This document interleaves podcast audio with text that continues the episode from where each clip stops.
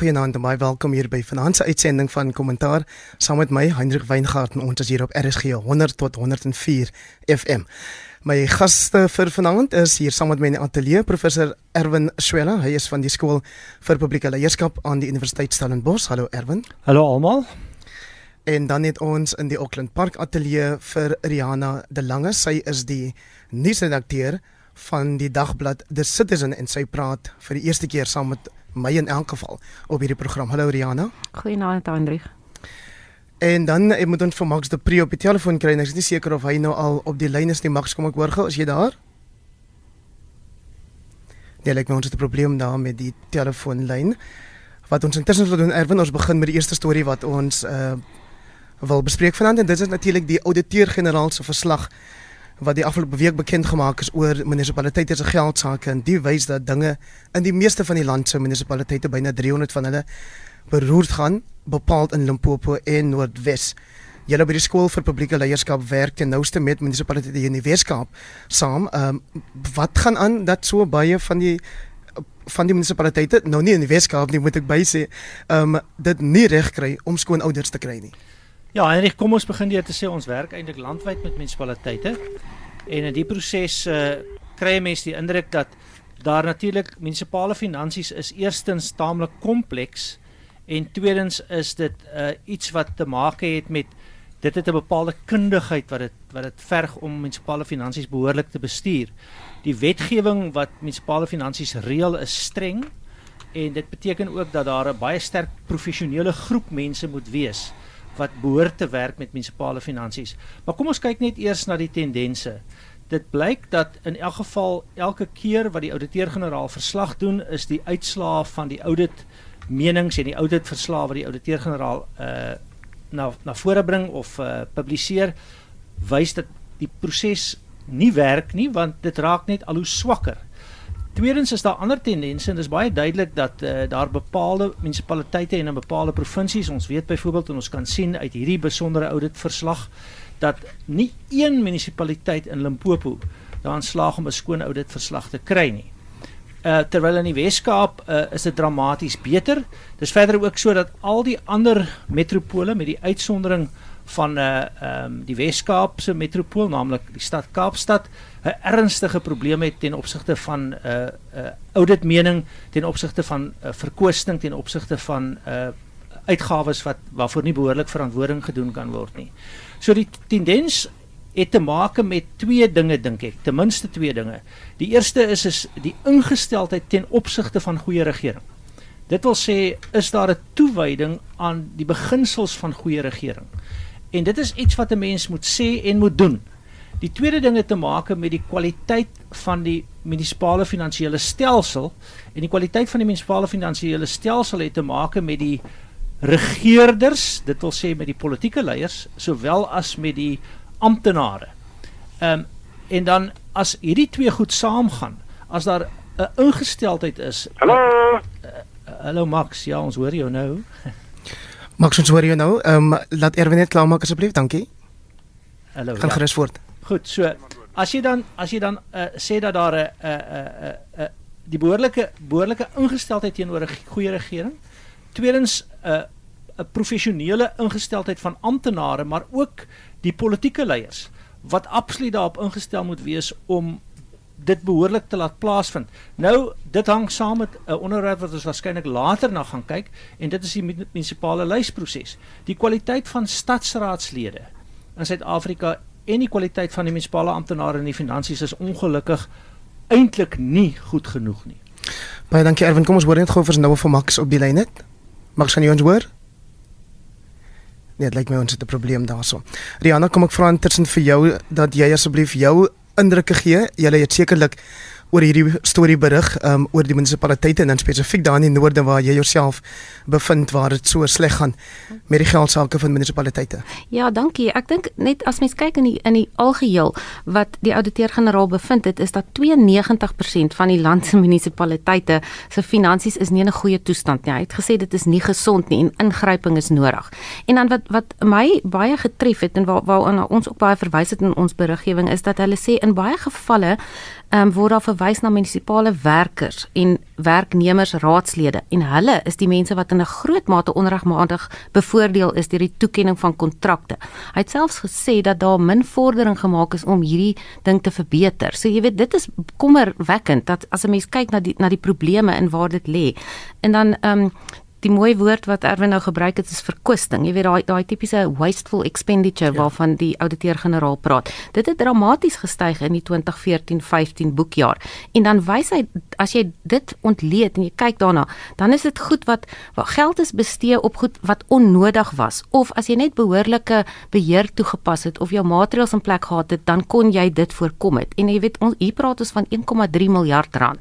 Jy weet as jy as jy net behoorlike finansiële bestuur toepas was en kyk na die prosesse dan kon kon jy dit verhoed het.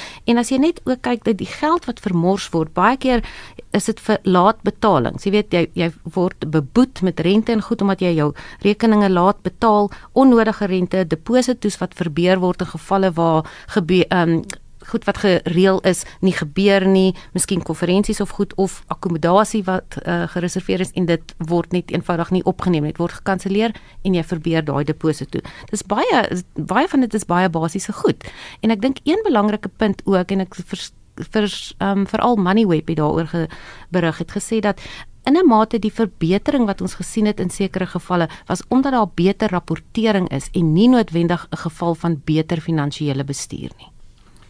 Ja, mens moet natuurlik ook uh, verder Rihanna daarop let dat hierdie uh, hele probleem het 'n uitkringende effek op die res van die ekonomie. Uh, as munisipaliteite byvoorbeeld beboet word omdat hulle laat betalings doen, dan beteken dit dat iewers is daar 'n sakeman wat nie betaal is nie. Die implikasie is daardie sakeman het ook 'n ekonomiese kwessie of 'n finansiële probleem. Uh die probleem is verder dat munisipaliteite se finansies ook sistemies onder druk is. In die sin dat uh die manier waarop munisipaliteite gefinansier word uit eiendomsbelasting is toenemend onvolhoubaar as mens nou aanvaar dat ongeveer tussen 33 en 36% en die syfer is ek nou nie heeltemal van seker nie mense op uh, staatstoelaas leef dan betaal hulle waarskynlik nie munisipale belasting nie. Tweedens is dit ook so dat munisipaliteite se groot finansiële inkomstebronne het gekom uit die energierekening en meestal uit elektrisiteit. Wanneer Eskom se marges onder druk kom, Eh, dan het mense 'n probleem in die sin dat die munisipaliteite kan nie meer sogenaamde winste maak op elektrisiteitsrekeninge nie. Ons in ons navorsing is besig om te kyk daarna dat uh, selfs die die beter bestuurde munisipaliteite in die toekoms groot finansiële probleme gaan hê want die inkomstebronne is problematies en veral omdat 'n uh, groot mate van subsidiering in die verlede uit die energierekening of die elektrisiteitsrekening plaasgevind het. So as daai moontlikheid wegval, dan uh, is ons mening en dit is 'n redelik oorwoë mening dat as ons nie iets dramaties doen aan munisipale finansies nie, gaan ons waarskynlik binne die volgende 3 tot 5 jaar sien dat munisipaliteite in die algemeen net gaan uh, die sogenaamde groot meltdown gaan plaasvind. So as as ons dink ons het nou probleme, As ons nie die sistemiese inkomstebronne plus die uitgawes plus die korrupsie plus die wanbesteding aanspreek nie, dan dink ek voorsien ons dat munisipaliteite nog ernstiger probleme kan raak en dan gaan dienslewering op die grond, daar waar dit die naaste aan die mense is daaronder lê. Die munisipale verkiesing kom aan en mense gee nie nou daaraan aandag nie. Hulle dink nie sistemies nie, hulle dink korttermyn polities, maar hier is ernstige langtermyn sistemiese vraagstukke wat gehanteer moet word. En Rihanna de Lange, dit lyk my nie asof die hoope konsultante wat deur munisipaliteite aangestel word enigsins help om die situasie te verbeter nie. Ja, dit was ook natuurlik 'n ding wat uitgelig is in die verslag dat um, daar so baie konsultante, dis die bedrag wat hulle betaal word, maar nog steeds kry jy dat alles nie presies volgens uh, die boek gedoen word nie. En ek dink net om aan te sluit by wat Erwin nou gesê het, is dit een op sommender wyse die ouditeur-generaal gesê, jy weet wat jy sien aan die einde van 'n jaar is dat die laste die bates oorskryf van so baie munisipaliteite en ook hy het baie spesifiek gesê inwoners wat nie betaal vir hulle water en ligte nie of baie laat betaal en dit sluit nou presies aan by die by die punt wat Erwin gemaak het is waar ons munisipaliteite hulle bevind. Dis ons geld, dit moet gebruik word om ons lewens en die dienste wat in ons munisipale gebiede beskikbaar is, jy weet vir ons uh, ons lewens makliker te maak want dis waarvoor ons betaal en dit lyk nie asof daardie situasie gou gaan omdraai nie. Erwin.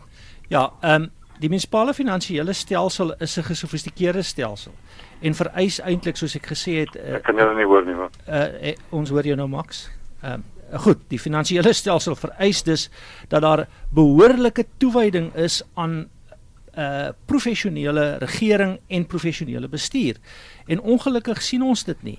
Ons sien dat daar 'n uh, 'n voortdurende proses is om om byvoorbeeld mense te herontplooi onder andere in terme van die die die beleid van kaderontplooiing dat mense wat uh, dit op ander regerings of binne ander regeringssfere op nasionale vlak of provinsiale vlak uh, dit nie maak nie hulle word na munisipaliteite toe afgedeel. Ons weet dat daar vir baie jare inmenging is in die aanstelling van uh, senior munisipale amptenare. Daar's 'n groot poging moet ek daarin by sê van die tesourie se kant af um, met 'n klomp insette rondom die skep van kundigheid binne daardie veld. Uh, Daar's 'n program wat ons universiteit nou oor 'n paar jaar aangebied het wat munisipale uh, minimum ehm um, uh, kompetensies ontwikkel in die finansiesveld. En binne die Weskaap het ons 3-4000 amptenare opgelei en ons sien die resultate. Wat dit dan ook sê is is dit kan beter gedoen word. Dit is moontlik om dit beter te doen. As daar nie politieke inmenging menging is nie en as daar behoorlike toewyding is aan goeie regering en as daar professionele bestuur is. Dit kan sekerlik nie goeie nuus wees vir die ANC dat die Nelson Mandela Metro die meeste vermorsing dat of dat die meeste vermorsing daar plaasvind die gegee die feit dat die party nie te seker is of hy in die komende plaaslike verkiesings daar gaan wen nie Riana. Ja, ek dink dis jammer Max is nie op die lyn nie want ek dink hy sal baie goed hieroor kan praat, maar ons weet almal dat dit is een van die van die brandpunte as jy dit sou wil sê as jy kyk na die verskillende metros, die Nelson Mandela Bay Metro, dis nou Port Elizabeth in die omgewing daar rondom en uh, dat hulle finansies so swak is en in die stadium weet ons nie wie die uh, burgemeesterskandidaate vir die ANC is nie. Ons het reeds gesien daar's klomp onafhanklike kandidaate wat wil staan en mense wat werklik omgekrap is oor wat in die in die metro gebeur en met die geldsaake. So ek dink hierdie dra net by tot 'n nog 'n baie hittige verkiesingsstryd wat ons daar gaan sien. Ja, ek dink uh, dit is 'n uh, eh, taamlik waarskynlik dat uh, die die burgemeesterskandidaat daar meneer Danny Jordaan sal wees.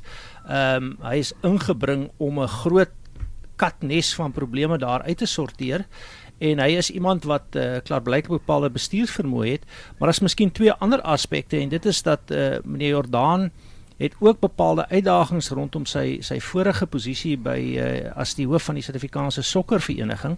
Ehm um, waar daar nog groot sprake is van die die probleme wat op hierdie stadium elke nou en dan na vore kom rondom die uh omkoopgeld wat oënskynlik betaal is vir Suid-Afrika se se uh wen van die 2010 wêreld sokkerbot. Dis jy gedaan om dan ver nou hoor. Nee, maar as as meneer Jordan in die verband uh uh, uh aangespreek word en en ek sê nie hy gaan nie, ek ek maak geen so bewering nie, maar maar daar is aanduidings dat dit dalk nog iets is wat 'n probleem kan word want meneer Jordan is die gekose kandidaat dink ek vir die ANC en het eintlik tot dusver redelike goeie werk gedoen al in die in die in die ehm um, in die Nelson Mandela metropool. Die tweede ding is dit is altyd 'n vraag of hierdie soort gebeure uh 'n impak het op politieke ondersteuning. Ehm um, dit wil voorkom asof dit nie soos in 'n werklike volwasse demokrasie soveel impak het nie. Uh dit wil lyk asof mense sê ja, maar dit is nog steeds ons party. Uh on, on, ons party um, is ons party en uh, dit is 'n soort tradisionele benadering tot die politiek. Ons het dit in die verlede gesien in Suid-Afrika um, waar mense aanhou stem het vir dieselfde party vir jare. Um, en dit lyk asof hierdie goed nie in Suid-Afrika soos in ander volwasse demokratieë 'n uh, onmiddellike impak het nie. By implikasie kan ons dan sê Suid-Afrika is eintlik nog nie 'n volwasse demokrasie nie en ons is in 'n proses om daai volwassenheid te bereik. Dit gaan verseker dink ek 'n impak hê, maar of en in daardie areas waar dit relatief marginaal is, waar daar die moontlikheid is dat daar 'n kantelpunt bereik is, gaan dit dalk 'n impak hê en dit is plekke soos die Nelson Mandela Metropool. Dit kan ook in Swane en selfs in in in in Johannesburg 'n impak hê, maar of dit regtig 'n regeringsverandering gaan laat plaasvind, uh, dit weet ons nou nog nie. Ons sal moet sien of hierdie keer daar 'n minder gom ehm um, aan die aan die aan die kleefplak is um, om mense aan die ANC vas te hou ondanks die feit dat daar aanduidings is van van swak regering. Laaste punt miskien net. Meneer Mashatile het byvoorbeeld vandag gesê dat hy gaan absoluut daarop aandring dat alle ANC verteenwoordigers in die toekoms hulle sal instel op goeie regering en veel beter verteenwoordigers sal wees. Nou dit het ons ook al van tevore gehoor, mm. maar uh, die Engelse het 'n mooi gesegde wat sê hope springs eternally. Kom ons hoor of Max de Pre dalk nou al op die lyn is. Max, kan jy ons hoor? Nee, ek dink ons gaan maar voort sonder Max. Ehm um, Rihanna de Lange, ek is nou jammer dat dit nou gebeur want uh daar's ook 'n luisteraar uh, met die naam um, ek dink dis Corrie wat geskryf het uit uh, Benoni uit wat jy's gevra die afgelope week waar ja Corrie Prinsloo van Benoni aan die Oostrand wat gevra het wat het van Max de Pre geword? En ek het hom toe juist genooi sodat Corrie weet hy is daarom nog deel van ons span. Ehm um, dit is nou 15 minute of kwart oor 8 en jy luister na kommentaar saam met my Hendrik Weingart my gaste vanaand Erwin Schwella van die Skool vir Publieke Leierskap aan die Universiteit Stellenbosch. En op in die Auckland Park Ateljee het ons vir Johanna de Lange wat die nuusredakteur is by The Citizen. Ons sou ook vir Max de Pre die rubriekskrywer en bekende kommentator by ons gehad het, maar ons het ongelukkig 'n tegniese probleem wat ons verhoed om hom saam te laat praat vanaand. Nou die afgelope week Erwin Swela was die laaste geleentheid vir kandidate vir die plaaslike regerings om te registreer.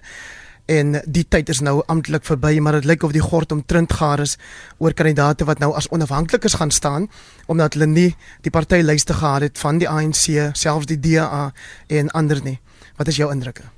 Daar is wat lysprosesse betref eintlik kom ons begin deur te sê die lysprosesse skep om mee te begin wenners en verloorders. In elke lysproses is daar mense wat op die ou end gekies gaan word en dan is daar mense wat nie gekies gaan word nie.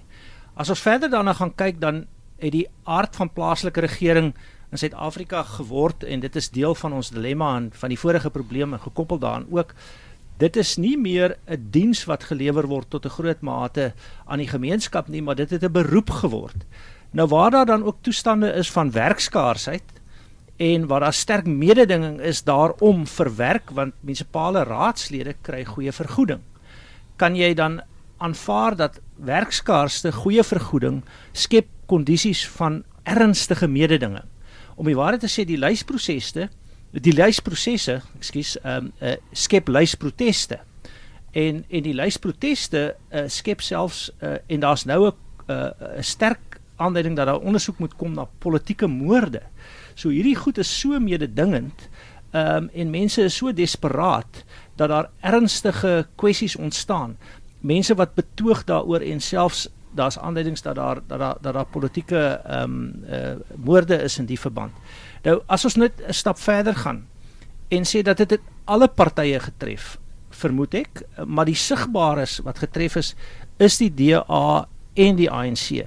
Die ANC uh, eh, hanteer dit uh, waarskynlik effens anders en die DA weer op 'n ander manier. Wat ons sien is is dat die dat die dat die dat die DA het 'n bepaalde stelsel waar hulle sê dat dit 'n objektiewe stelsel is. Nou dit moet ek ook daarom sê uh, die DA se stelsel is nie heeltemal objektief nie. Uh, as die DA sê dat dit 'n objektiewe stelsel is, dan moet ons maar gaan kyk.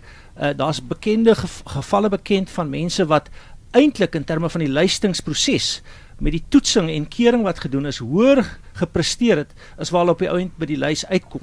En dit is op dit is 'n probleem, maar die DA Maar dit is dit is daarom 'n unieke proses net, die feit dat hulle hierdie Wel, dit ja. is miskien nou 'n vraag of as jy die skyn skep dat dit volledig objektief is of dit nou 'n goeie ding is dat jy uiteindelik dit tog polities laat beïnvloed. En as dit binne bepaalde grense is dan is dit in orde, maar daar is aanduidings dat hierdie goed word tog geskuif. En dit skep eintlik 'n probleem in die sin dat mense word onder die verwagting gebring dat die stelsel objektief is en dit is eintlik op 'n manier nie 'n aanvaarbare ek wil sê dit is dit is vir my eties 'n probleem.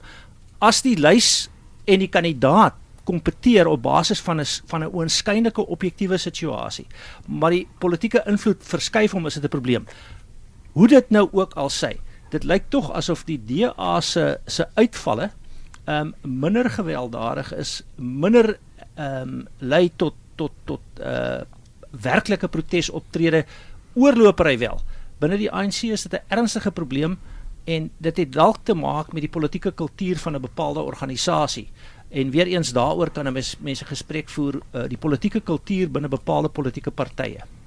Rian en de Lange, uh, die feit is dat daar baie kandidate is wat hulle nou wend tot geweld omdat hulle nie gelukkig is met hierdie lyste nie en mense vind dit ongelukkig veral in ANC kringe die nasionale voorsteur van die party het die afgelope week ook uitgepraat daarteenoor wat is jou uh, gevoel daaroor Ja, dit was 'n baie besige week. Ek dink die die mees uh, sigbare daarvan was die ANC se ontevredenheid. Ek bedoel verlede naweek al toe die nasionale uitvoerende komitee net daar buite Pretoria vergader het, was al mense van Kimberley wat opgedaag het om protes aan te teken. Nou toe het ons nou nog 'n hele paar dae gehad voordat die lyste ingedien moes word. Donderdagmiddag was dit 'n uh, groot samedromming voor Lutuli huis um, om daaroor uh, te proteseer en lyk like my almal is nog steeds nie tevrede daar weg nie. Um, die ANC het oor die naweek um, by sy bekend bekendstelling van sy Gauteng manifest baie gepraat oor daar sal daarna gekyk word hulle praat hulle praat baie dat mense deur hulle takstrukture die hele kwessie moet aanspreek maar ek dink wat wat wel bekommerenswaardig is en wat Erwin na verwys het is hierdie hele ding van sogenaamde moordlyste mense wat wat werklik vermoor word um, daar's hits op hulle lewens en jy sien dat dit is nie 'n is nie 'n gesonde situasie nie dit dit maak mense eintlik bang maar die ander ding is ook interessant ons het hierdie week 'n berig gehad wat ons genoem met party hopping.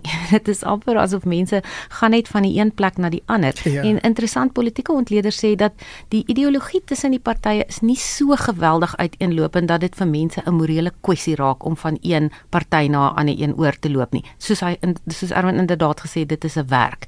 Jy weet en dan um, miskien aan 'n siniese kant dit ek weet ons het 'n bespreking gehad in ons nuuskantoor die week waar iemand gesê het ja alle politici wil net 'n uh, jy weet 'n plekkie op die soustrein hê. Nou ek dink dit is miskien 'n bietjie kras want daar is tog, jy weet mense wat wat bedien, maar dit is nou dit is jou loopbaan, dis wat jy doen en nou gaan jy dit nie maak op die lys nie of dis onseker. Dit is 'n baie onseker loopbaan en dit is ook hoekom jy van hierdie goed sien. Erwin? Ja, kan ek miskien net sê dat daar is 'n uh, daar is regtig 'n sameloop van omstandighede. Dit is vir hierdie mense 'n uh, lewensnoodsaaklik uh, dat hulle hierdie poste kry. As jy voorheen 'n uh, raadslid was en 'n verdienste gehad het, en jy uh, dan op een of ander manier jou posisie in die lys verswak, dan soek jy alternatiewe. Nou op plaaslike regeringsvlak is die interessante situasie dat jy dan na 'n ander party toe, jy kan natuurlik uh, op op nasionale vlak ook en op provinsiale vlak ook na 'n ander party toe gaan interessant genoeg daar's eintlik 'n uh, hele aantal politici oor die jare wat 'n uh, redelike fyn kuns uh, daarvan gemaak het om om uh, rond te skuif. Ek uh, maak altyd die uh, effens siniese opmerking daar's uh, uh, sommige mense wat nog nooit 'n regering gekry het waarvan hulle nie hou nie. Ek is 'n bietjie anders. Ek het nog nooit eintlik 'n regering gekry waarvan ek hou nie. Maar hoe dit ook al sê, um, daar's daar's mense wat daarvan 'n fyn spel maak gekoppel aan hierdie situasie behalwe vir die inkomste is daar ook pensioenvoordele. Mense wil so lank as moontlik daar bly om uiteindelik die pensioen te kan verwerf. Uh so 'n sameloop van omstandighede, dit het 'n werk geword. Werk is skaars. Die mense is eintlik gewoonlik ook nie vreeslik goed gekwalifiseer om enigiets anders te doen nie. Ehm um, en onder sulke toestande van van mededinging is daar dan uiteindelik mense wat sê dit is regtig 'n situasie van lewe en dood. Ehm um, behalwe vir dit het jy nou nog die verdere toksiese mengsel van politieke ideologie waar mense sê maar uh, hierdie persoon is nie vir my nie so hy's teen my en dan 'n kultuur van onverdraagsaamheid. Ek, ek dink hierdie goed vorm 'n mengsel wat uiteindelik daartoe lei dat 'n mens kan sien dat al die kenmerke van die Suid-Afrikaanse samelewing is hier teenwoordig. En dan sien jy dat mense redeneer nie dinge uit nie. Hulle ding nie meer op 'n rasionele wyse nie hulle gaan uiteindelik met geweld oor om hulle teenstanders uit te haal en dit is 'n uiters gevaarlike tendens. Rihanna Vrydag aan by 'n funksie van die Caledon Cricket Club vertel iemand wat in die ANC is my dat daar selfs raadslede op sekere plekke wat nie eens kan lees en skryf nie. So as die as dit wel waar is, dan beteken dit soos wat Erwin nou gesê het, dis dit gaan meer oor die oorlewing van of of ekonomiese oorlewing van die raadslid eerder as dat hy of sy ingestel is op dienslewering in dis hoekom ons dalk soveel dienslewering proteste sien die land oor. Ja, ek dink definitief so en ons sien omtrent nou elke week sien ons hierdie goed. En dit is nie net 'n geval van mense proteseer nie, daar dit gaan gepaard met vernietiging.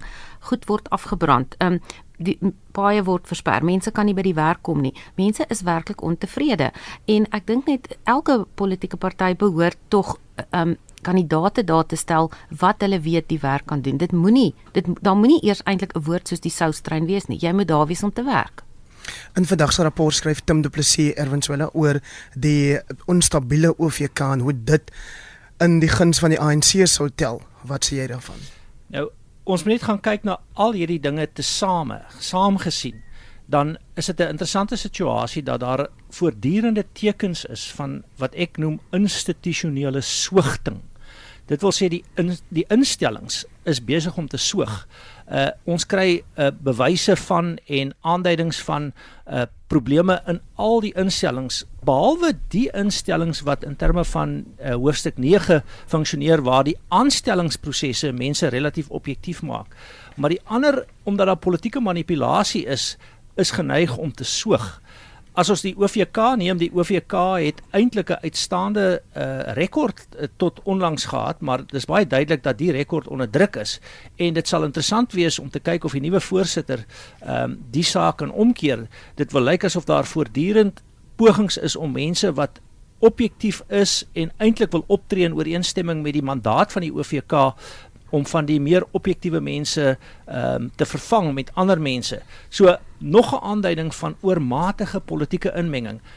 Kan ek daar byvoeg dat daar's voortdurende aanduidings dat ons op verskillende maniere ons het nou net rommelstatus vrygespring. Maar in die week is daar aanduidings dat ons nou 33% mense het wat ehm um, wat afhanklik is van staatstoelaas. Ons het 'n situasie dat ons het 'n aanduiding gekry dat 'n groot gedeelte van ek dink graad 4 leerders omtrent 40% kan nie lees nie. Uh op elke internasionale indeks, daar's 'n klein uitsondering, ons het nou een plek opgeskuif op die wêreldmededingingsindeks, maar op elke internasionale indeks is daar tendense wat wys dat Suid-Afrika se situasie gaan agteruit. Ek is jammer uh uh um Heinrich as ons nou miskien nou al ons ons ons 30% uh, slegte nuus oorskry het. Uh maar maar um ongelukkig is die nuus in, in baie gevalle nie goed nie. Nou is die vraag, waar is die beleidsontleeders? Waar is die staat se professionele uh intelligensie mense, maar ook intelligente mense om te gaan kyk na hierdie tendense en te sê ons moet 'n ander vorm van regering kry. Ons moet 'n ander benadering kry. As al die tendense wys dat dit met ons slegter gaan, behoort iemand te sê, "Wel, hoe gaan ons hiermee om? Hoe gaan ons dit omdraai?" En ek dink daar is 'n groot vereiste vir nuwe leierskap wat sê maar ons gaan hierdie goed in die gesig staar. En dan sien jy daai daai soort uh benadering vind jy wel in die tesourie. Jy jy het dit vroeër in die inkomste diens gevind. Maar in baie ander plekke bestaan dit net nie. En mense aanvaar net dat dit kan maar slegter gaan en slegter gaan. Ons sal dit moet omdraai. Rianne dinge en as jy nou so kyk na die situasie en en veral nou wat die goed wat genoem is nou hier deur Erwin in jy neem aan ag dat die ANC nou besluit het dat die goeie bedoeling van 'n ondersoek na sogenaamde staatskaping of die Gupta invloed, die word nou gestaak en dat daar uiteindelik toe net een persoon is wat 'n skriftelike verklaring of skriftelike klag ingedien het en nou sê Gwedi Mantashe die ANC se se sekretaris-generaal dat hulle nou nie meer voortgaan met hierdie ondersoek nie. Ja, ek dink dit was 'n uh, groot ek weet nie, ek het van iemand gehoor wat uh, bly was en gesê het, maar hoe is dit? Jy weet almal vra, hoe is dit moontlik? Die SAKP het geweldige sterk reaksie daarop getoon, maar ook um, in ander kringe. En en wat hy in uh, effek gesê het is dat daar was 8 voorleggings, maar net een persoon het sover gegaan om 'n skriftelike uh verslag of 'n ja. ja, verklaring in te dien. En dit is ook kort daarna het hy gesê dit wys vir ons president Zuma 'n stewige beheer van alles wat nou moet gebeur.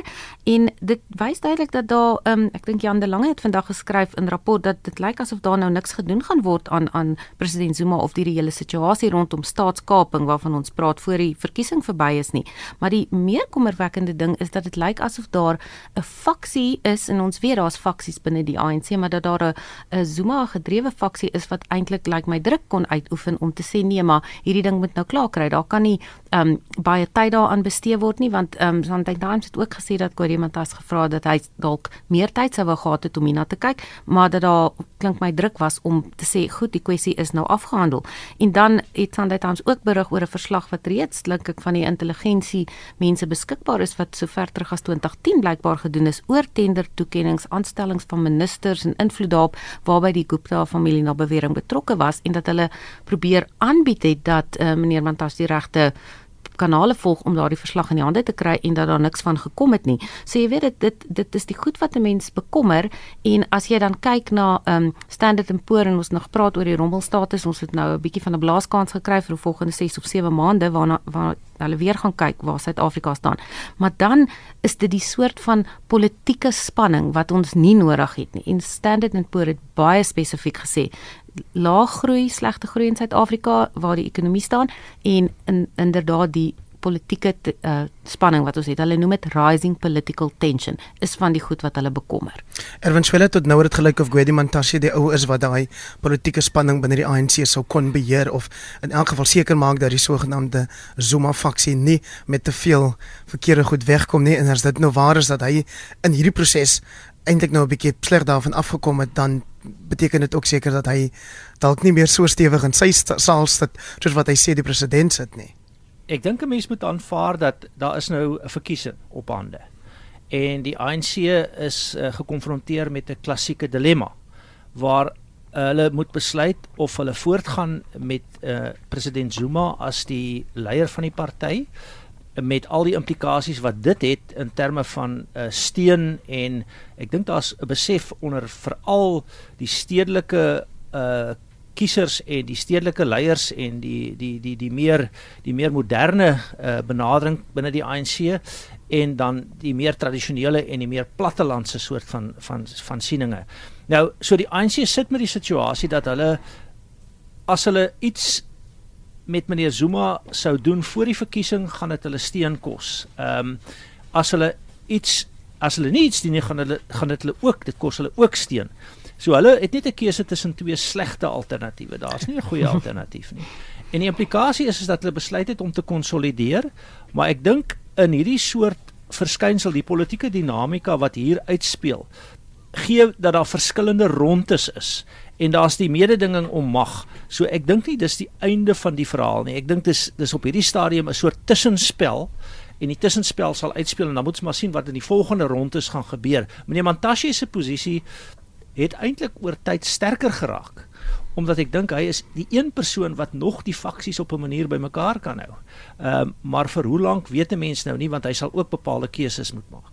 Dit is nou 29 minute voor 9 uur op RSG 100 tot 104 FM en jy luister na kommentaar saam met my Hendrik Weingart en my gaste vanaand Erwin Swela wat julle nou net nageluister het en dan in die Auckland Park Atelier Rihanna de Lange van The Citizen. Rihanna, jy het gevra dat ons hierdie storie op die lys moet sit. Dis dat die Universiteit van Pretoria nou ook bly in die spervuur is oor sy nuwe taalbeleid wat skyn asof dit die einde van Afrikaans as onderrigtaal op die kampus kan beteken.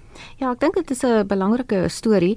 Ehm um, as ons kyk die die taaldebat is oral. Ek bedoel die Universiteit van Stellenbosch is daar deur by Bloemfontein het hulle sekere besluite geneem. Hier is nou 'n werkgroep wat volgens berigte aanbeveel het dat daar gekyk moet word na na Engels. En toe het die Universiteit van Pretoria in die week gesê dat 74% van al hulle voorgraadse modules word in Afrikaans aangebied vir studente wat dit verkies en Stellenbosch ek dink is iets in die 60% uh, kan miskien um, verkeerd wees daar. Maar die aanbeveling wat die werkgroep nou sê is moet ons moet kyk na hierdie Engels as primêre taal.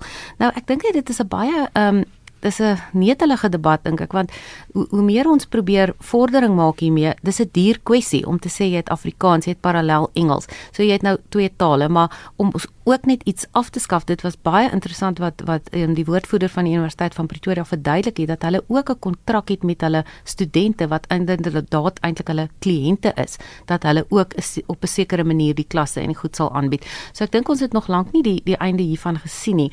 Maar wat as ek 'n stap terug kan vat is as ons sien wat het gebeur um einde verlede jaar met die taamlik vredesame feesmast volveld tog.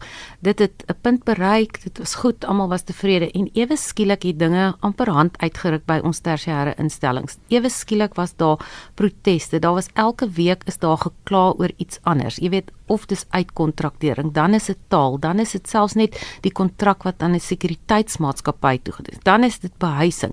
Jy weet die hele die hele ding het so 'n warboel geword en elkeen wil oor iets kla en dit gaan gepaard met vernietiging van eiendom, beskadiging van eiendom, plekke word afgebrand en as jy nou al hierdie goed kyk dan dit is so kommerwekkend dat ons onderrigstelsel in hierdie situasie is. En dan vat ons nog 'n stap terug en ons kyk net in die mees onlangse verlede wat in Wuhan gebeur het. 28 skole wat afgebrand is.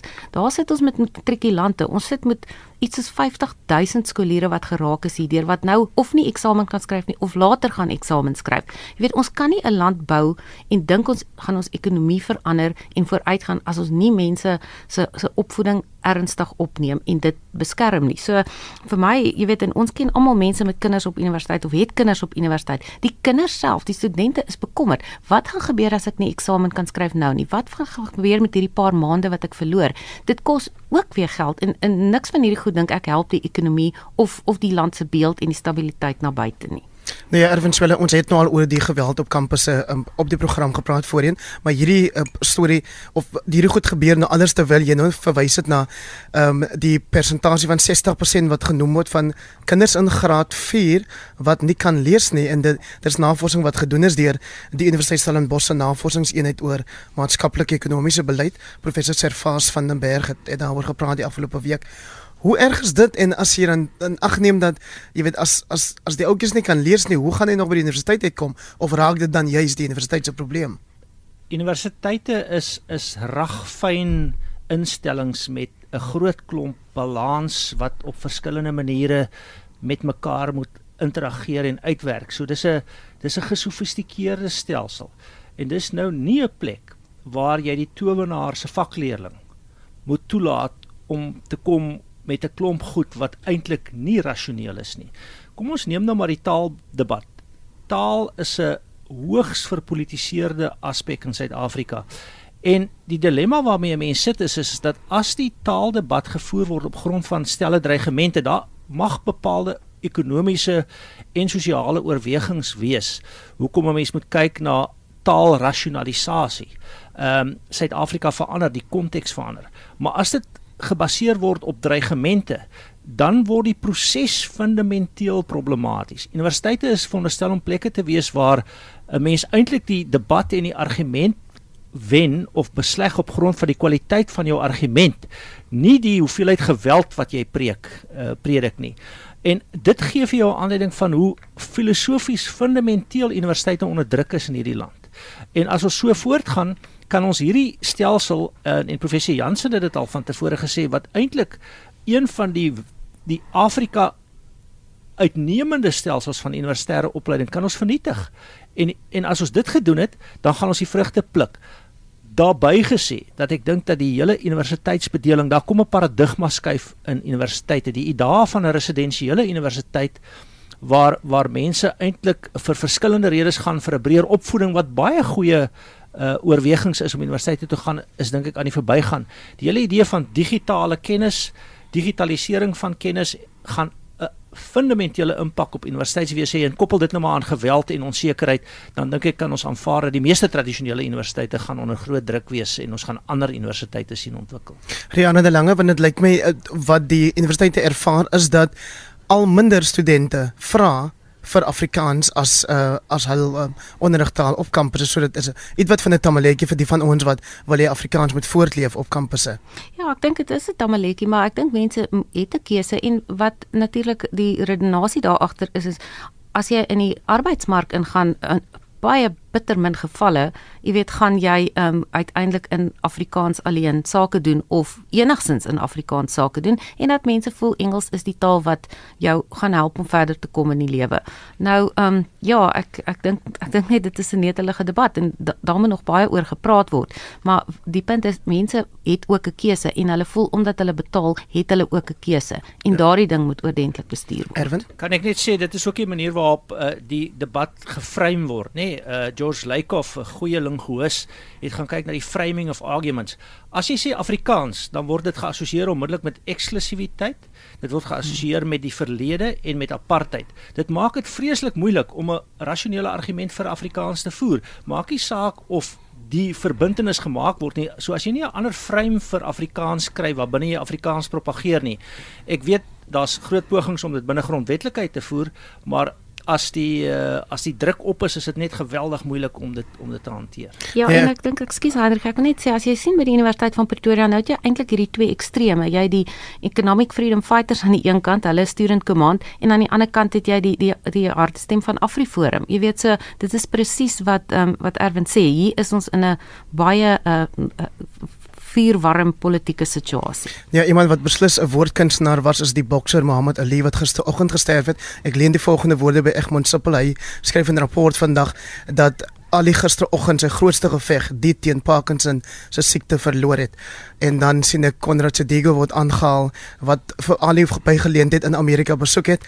Hy sê Muhammad Ali was die Mandela van die sportwêreld. So het ons aan die einde gekom van vanaand se uitsending van kommentaar. Dankie aan Max de Pre wat bereid was om saam te praat, maar ongelukkig toe nog nie kon nie omdat ons tegniese probleme ervaar het. Baie dankie aan Erwin Swela en baie dankie aan Rihanna de Lange. Van my Hendrik Weingart. Groete tot volgende keer.